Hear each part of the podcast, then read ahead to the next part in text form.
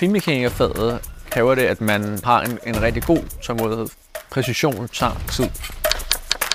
Fordi jeg også har våbenmekanikuddannelsen, kan jeg også arbejde med våben. For mig handler det hele om opgaveløsning. Når vi er på jagt, så er vi på jagt. Og den ro finder jeg også i mit håndværk, såvel som i min hobby. Øh, jeg har tidligere kæmpet med, med angst i stor stil og tankemylder. Når man har kæmpet med det i mange år, jamen, så er man ikke vant til ro i hovedet.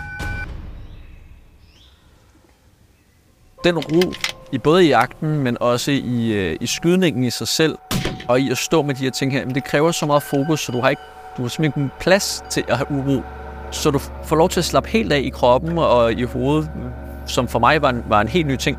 Øh, og lige så frustrerende som det kan være, når tingene går galt, jamen så går vi i gang igen, og så går der 10 minutter, så har du glemt, at det gik galt, for nu skal du fokus på at lade være med at gøre den samme fejl igen. Og så hele processen bliver sådan en, den her sende ting, som gør, at man som menneske også vokser, ikke kun som håndværker.